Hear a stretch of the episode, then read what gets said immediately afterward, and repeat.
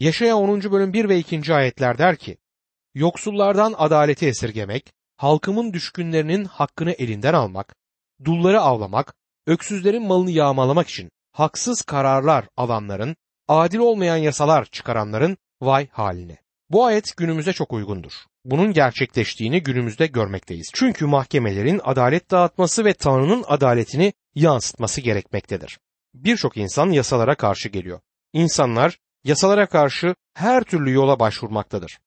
Özgürlük düşüncesi çarpıtılmıştır. Tutuklanan her suçlunun adil bir mahkemesi yapılmalıdır ama benim ailemin ve sizin ailenizin sokaklarda huzur içerisinde dolaşabilmeleri için suçluların cezalandırılması da gerekir. Suçlu olan birçok kişi günümüz sistemlerinde salı verilmektedir. Yargılama sistemi adaletli olmalıdır. Günümüz adalet hakkında çok şey duyduğumuz bir zaman ve benim istediğim de bu. Suçluların cezalandırılmasını istiyorum ki sokaklarda güvenlik içinde yürüyebilelim ve evimizde güvenlik içerisinde oturabilelim. Ülkemizin bazı bölgelerinde kadınların tek başına sokakta dolaşmaları ne yazık ki güvenli değil. Birçok yerde erkekler için bile güvenli olmadığını söyleyebilirim. Sorun nedir?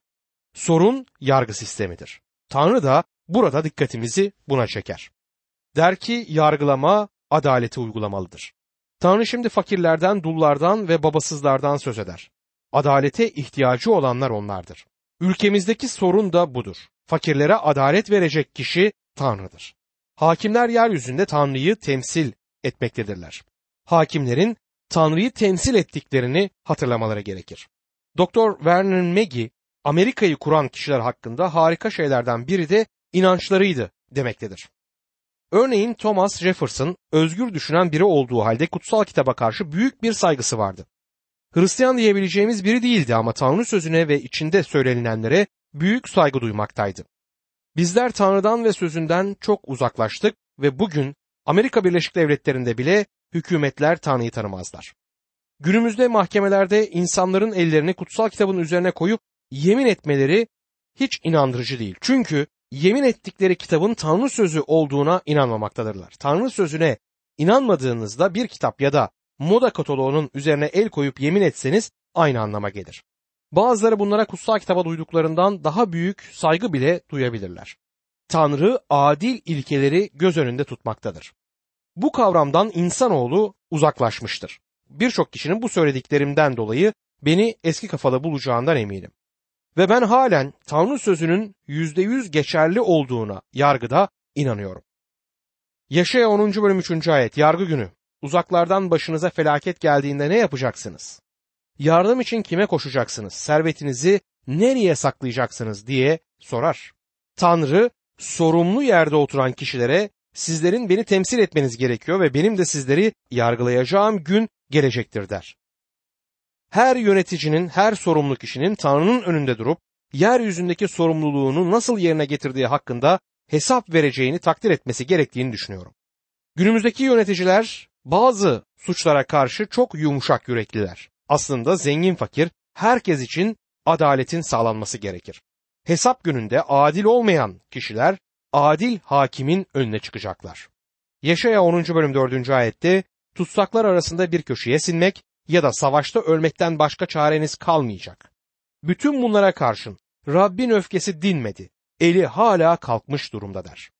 Adaletin bu şekilde çarpıtılması toplumun her sınıfında görülmektedir. Bütün insanları etkiler ve bozulma gerilemeye itmektedir.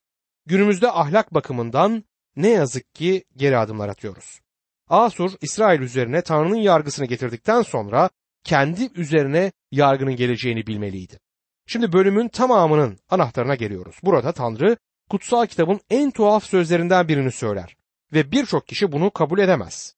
Dostum eğer beğenmiyorsanız itiraflarınızı Tanrı'ya götürün çünkü bunu söyleyen odur. Yaşaya 10. bölüm 5. ayet. Vay haline Asur, öfkemin değneği, elindeki sopa benim gazabımdır. Bu ayet bu bölümün tamamının anahtar ayetini oluşturur. Ve Tanrı'nın bütün amacı üzerine ışık tutar. Çünkü bu ayet Tanrı'nın Asur'u kendi halkı İsrail'i cezalandırmak için bir değnek gibi kullanacağını söylemektedir. Bu şaşırtıcıdır. Tıpkı yanlış bir şey yapan çocuğunuzun poposuna vurmak için elinize bir değnek almanız gibi bir durum. Tanrı da Asur'u bir değnek olarak kullanmaktadır. kendi halkına disiplin vermek için Asur'u kullanmıştır. Asur'un getirdiği yıkım Tanrı'nın elinin getirdiği yıkımdı. Modern insanların bunu kabul etmesi zordur. Yaşaya 10. bölüm 6. ayet Asur'u tanrısız ulusa karşı salacağım.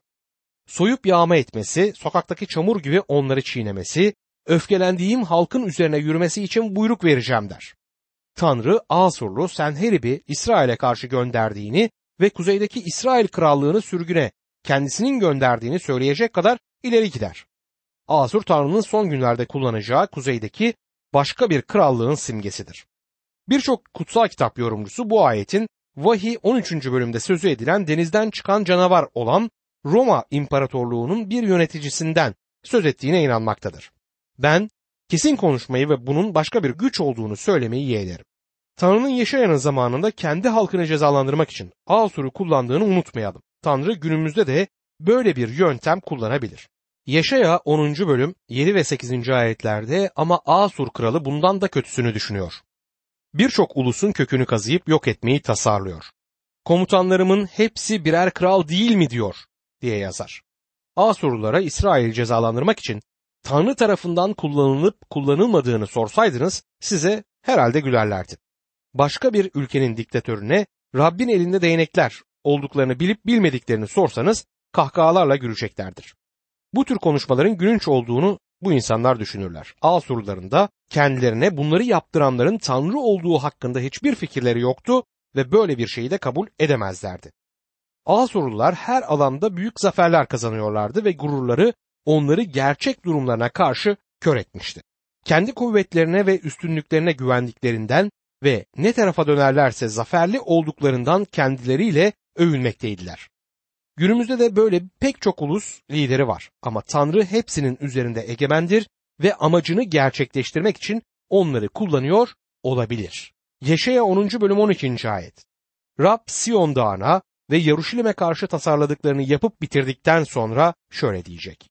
Asur kralını kibirli yüreği, övüngen bakışları yüzünden cezalandıracağım. Tanrı kendi halkını cezalandırmak için Asur'u kullanmayı bitirdiğinde Asurluları yargılayıp cezalandıracaktır. Tanrı'nın yargısından kaçamadılar. Tarih bu gerçeğe tanıklık etmektedir. Tanrı onları yargıladı. Yaşaya Tanrı'nın yeryüzündeki bütün ulusları yönettiğini ve yargıladığını söyler. Tanrı şimdi çok anlamlı bir soru soracak. Yaşaya 10. bölüm 15. ayet. Balta kendisini kullanana karşı övünür mü? Testere kendisini kullanana karşı büyüklenir mi? Sanki değnek kendisini kaldıranı sallayabilir. Sopa sahibini kaldırabilirmiş gibi diyor. Ormanda bir baltayı gözünüzün önüne getirin. Ormanda yürüyorsunuz ve bir şeyin kendi omzunuzu sıvazlayıp kestiğim şu büyük ağaca bak dediğini bir düşünün. Baltanın yanına yürüyor ve orada baltadan başka bir şey olmadığını da görüyorsunuz. Ağacı kendisinin kestiğini söylemekte ne demek olur? Balta ağaç kesildi. Onu ben kestim diyor. Siz bunun saçma olduğunu söylersiniz. Baltayı birisinin kullanıyor olması gerekiyordu. Ve bugün de dünyanın diğer uluslarında durum böyledir. Tanrı ulusları kullanır. Günümüzde ulusların Tanrı'yı kabul etmeleri, kendilerine yol gösterip kılavuzluk etmeleri için Tanrı'ya bakmalarının bu kadar önemli olmasının nedeni de budur. Ve ulusların içerisindeki insanlar bölünmüş durumdadır. Hatta kabul etmeye yanaşmadığımız kadar fazla bir bölünmüşlük var. Bir sürü azınlık grup var. Hatta esas azınlıktaki kişi ne yazık ki Tanrı durumundadır. Tanrı azınlıkta olduğu halde Martin Luther Tanrı ile bir kişi çoğunluktadır demiştir. Ve eğer Tanrı ile beraberseniz çoğunluktasınız. Günümüzde bizler Tanrı'nın safında olduğumuzdan emin olmalıyız. Çünkü evreni yöneten odur. Asurlular Tanrı'nın elinde sadece birer araçtılar. Büyük sıkıntı ve geride kalanların korunmasıyla ilgili ayetlere geldik. Şimdi büyük sıkıntı zamanındaki Yahudilerden kalanların görümünü göreceğiz. Yaşaya 10. bölüm 20. ayet. O gün İsrail'in sağ kalanları, Yakup'un kaçıp kurtulan torunları, kendilerini yok etmek isteyene değil, artık iştenlikle Rabbe, İsrail'in kutsalına dayanacaklar diyor. Yaşaya bu ayette Asurlarla ilgili o anki durumun ötesine, o güne bakmaya başlar. Daha önce de gördüğümüz gibi o gün yani büyük sıkıntı dönemiyle başlayan Rabbin günüdür. Yaşaya 10. bölüm 24. ayet.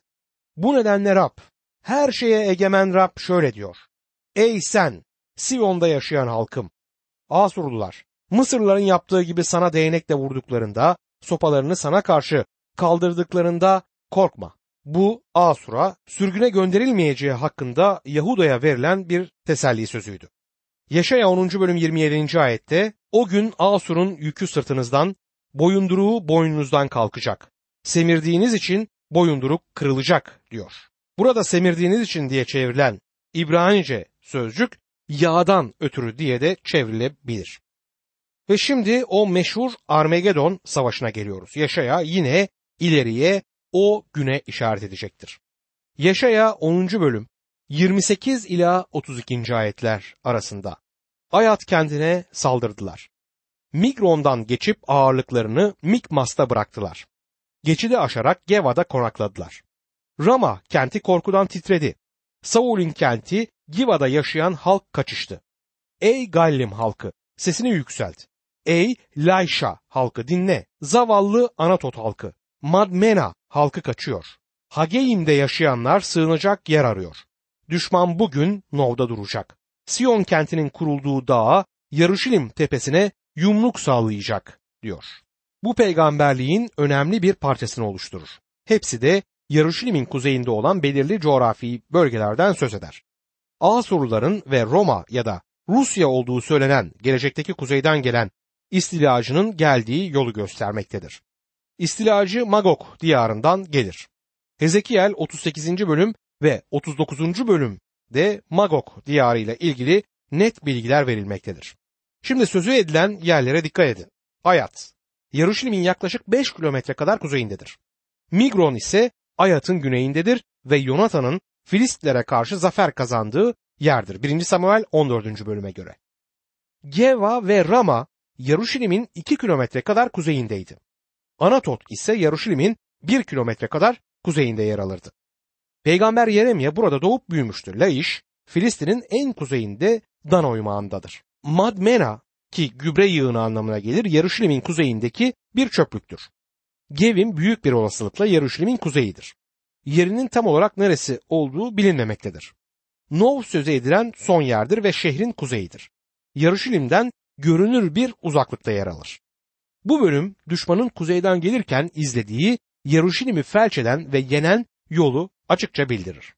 Yaşaya 10. bölüm 33. ayette Rab her şeye egemen Rab düşmanı dal gibi kesip korkunç güçle yere çalışacak. Uzun boyları devirecek, gururluları alçaltacak diyor. Tanrı işe el atıp halkını kurtarır. Ben bunun Mesih'in kendi krallığını kurmak için ikinci kez gelişinden söz ettiğine inanıyorum. Yaşaya 10. bölüm 34. ayette ise ormandaki çalılıkları baltayla keser gibi kesip devirecek onları. Lübnan güçlü olanın önünde diz çökecek diyor. Ben güçlü olanın yeryüzüne ikinci kez gelecek olan Mesih'ten söz ettiğine inanıyorum.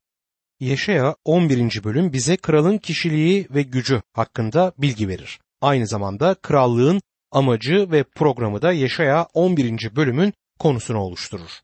11. bölüm 7. bölümde başlamış olan ve 12. bölümde sona erecek olan peygamberliğin bir devamıdır. Hepsi de Ahaz'ın hükümranlığı sırasında verilmiş olan bu peygamberlikler bölümünde ilerleme ve gelişme kaydeder. Bundan önceki bölümlerde bir yargı zamanı, Rab İsa'nın adına büyük sıkıntı zamanı dediği bir zamanı gördük. 11. bölüm kutsal kitaptaki en büyük mesihsel peygamberliklerden birisidir. Mesih'in krallığını kurmak için gelişinden ve ne tür bir programı olacağından söz eder. 12. bölümde bu bölüm son bulacak ve krallıkta Rabbe tapınılması görülecektir. Kralın kişiliği ve gücü konu edilir 11. bölümde ve 11. bölüm 1. ayette şöyle yazar. İşay'ın kütüğünden yeni bir filiz çıkacak. Kökünden bir fidan meyve verecek. Yesser'in kütüğünden ya da soyundan bir filiz demesi ilginçtir. Davut'tan söz edilmemektedir burada. Sözü edilen kişi Davut'un babasıdır. Davut'un soyundandır ama Yaşaya neden İşeya'nın kütüğünden der. Neden bu kütüğe uzanmaktadır? Kral soyu Davut'la başlamıştır. İşaya çiftçiydi. Beytlehem adında küçük ve uzak bir yerde yaşayan bir çobandı.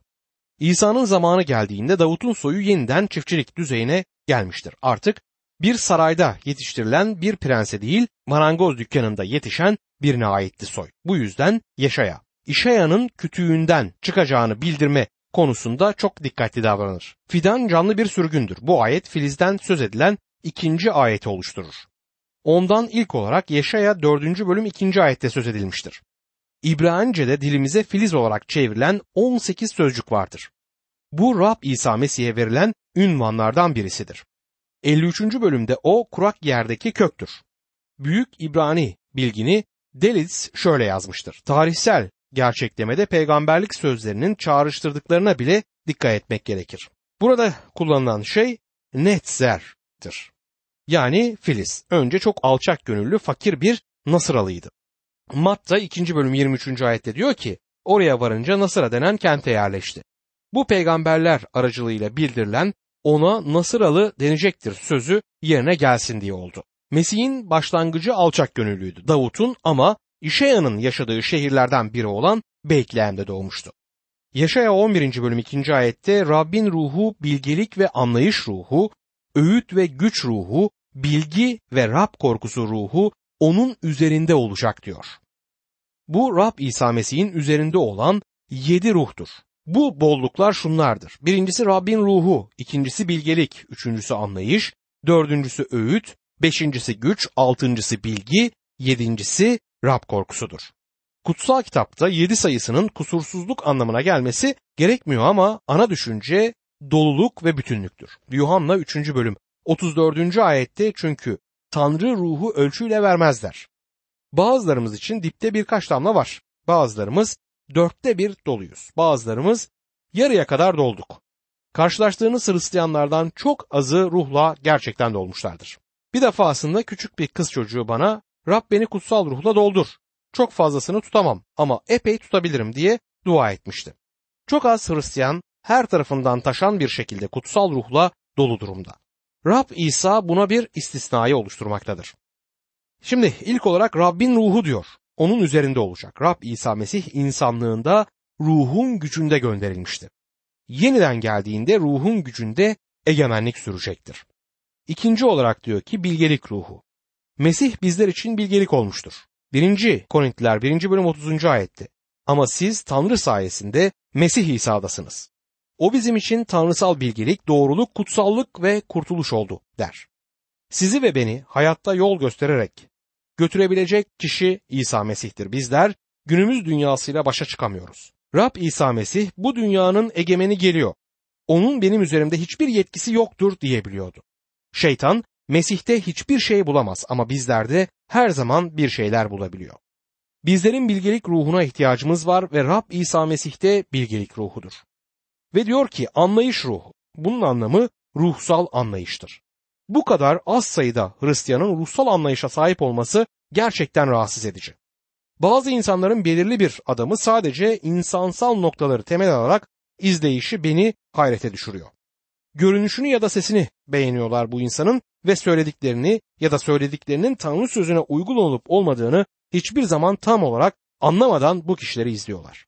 Hristiyanların anlayış ruhuna ihtiyacı var.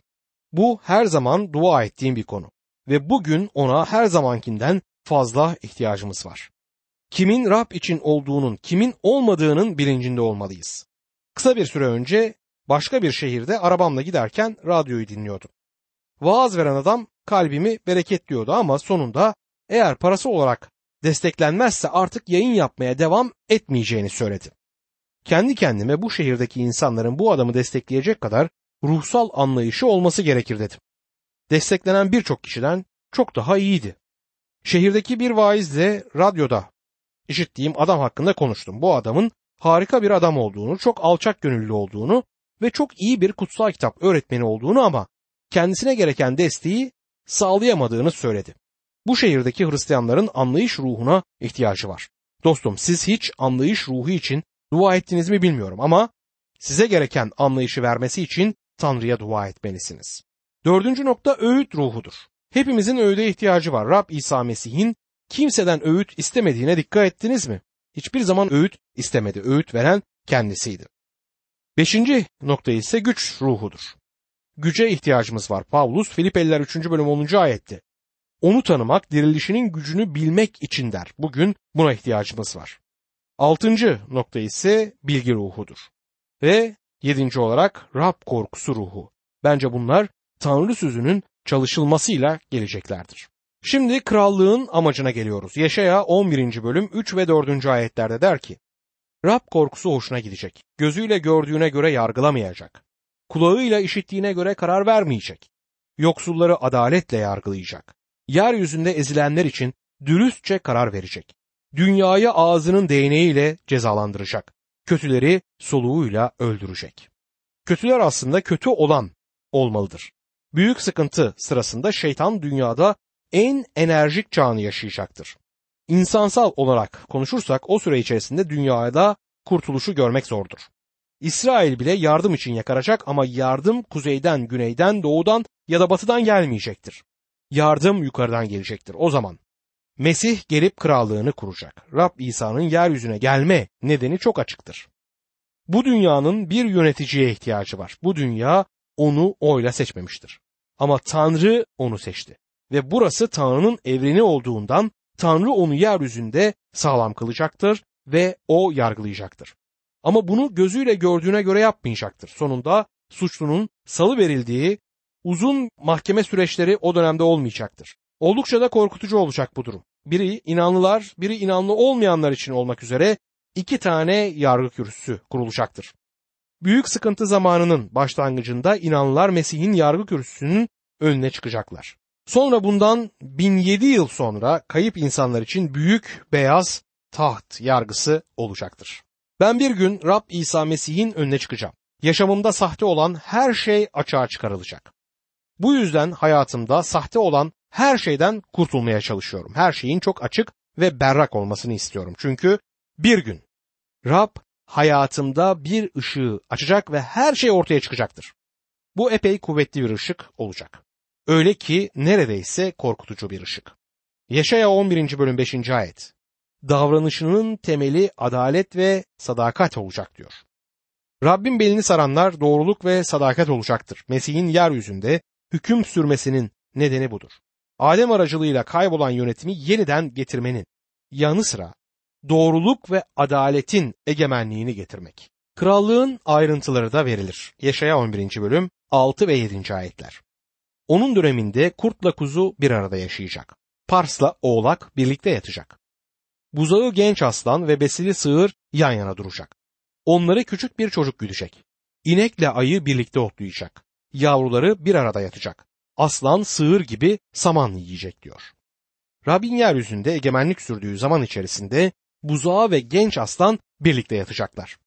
Günümüzde birlikte yatabilmelerinin tek yolu buzağının aslanın midesinde olmasıdır. Aslan sığır gibi saman yiyecek diyor. Bu bize saçma gelebilir. Aslanların saman yemediklerini herkes biliyor. Ama çok zeki bir kutsal kitap öğretmeni bir defasında ne yapacağımı size söyleyeyim. Eğer siz bir aslan yapabilirseniz ben ona saman yediririm demişti. Aslanı yapan kişi zamanı gelince onun saman yemesini sağlama gücüne sahiptir. Yaşaya 11. bölüm 9. ayette kutsal dağımın hiçbir yerinde kimse zarar vermeyecek, yok etmeyecek. Çünkü sular denizi nasıl dolduruyorsa dünyada Rabbin bilgisiyle dolacak. Sürgünler geri dönecek diyor. Bu krallık bütün dünyayı yöneten bir krallık olacaktır. Şimdi krallığın programına bakalım. Yaşaya 11. bölüm 10. ayet. O gün İşay'ın kökü ortaya çıkacak. Halkları sancak olacak. Uluslar ona yönelecek. Kaldığı yer görkemli olacak der. Bu ayetin anahtarı o gün sözüdür. O gün sıkıntı dönemiyle başlar ve krallığa kadar uzanır. Bin yıllık milenyum krallığında Yahudi olmayan uluslarda bulunacaktır. Yaşaya 11. bölüm 11. ayette o gün Rab Asur'dan Mısır, Patros, Kuş, Elam, Şinar, Hama ve deniz kıyılarından halkının sağ kalanlarını kurtarmak için ikinci kez elini uzatacaklar. Tanrı İsrail ulusuna diyarlarını verecektir. Musa kendilerini Mısır'dan çıkarıp Yeşu onları diyara getirdiğinde diyara ilk kez yerleşmişlerdi. Yaşaya 11. bölüm 12. ayet. Uluslar için sancak kaldıracak. Sürgün İsraillileri toplayacak, dağılmış Yahudalıları dünyanın dört bucağından bir araya getirecekler. Bayrak nedir? Ya da sancak nedir? Rab İsa Mesih'ten başkası değildir. Bu yükseltilen bir bayrak olmayacaktır. İsa Mesih o gün dünyanın alçak gönüllülerini heyecanlandırarak toplayan bir merkez olacaktır. Bu yumuşak huyluların dünyayı miras aldıkları gün olacaktır. Tanrı'nın planı budur. Bu onun programıdır ve bunu o gerçekleştirecektir. Yaşaya 11. bölüm 16. ayet der ki Rabbin Asur'da sağ kalan halkı için bir çıkış yolu olacak. Tıpkı Mısır'dan çıktıkları gün İsraillerin de bir çıkış yolu olduğu gibi. Evet bir yol oluşacaktır ve dünyanın ulusları bu yolu izleyerek Yaruşilim'e gelecekler. Zekeriya 14. bölüm 16, 17 ve 18. ayetler o dönem için bir peygamberlik sözü oluştururlar. Yarışülme saldıran uluslardan sağ kalanların hepsi her şeye egemen Rab olan krala tapınmak ve çardak bayramını kutlamak için yıldan yıla Yarışülme gidecekler. Yeryüzü halklarından hangisi her şeye egemen Rab olan krala tapınmak için Yarışülme gitmezse ülkesine yağmur yağmayacak. Mısırlılar bunlara katılıp Yarışülme gitmezlerse Rab onları da çardak bayramını kutlamak için Yarışlim'e gitmeyen bütün ulusların başına getirdiği aynı belayla cezalandıracaklar.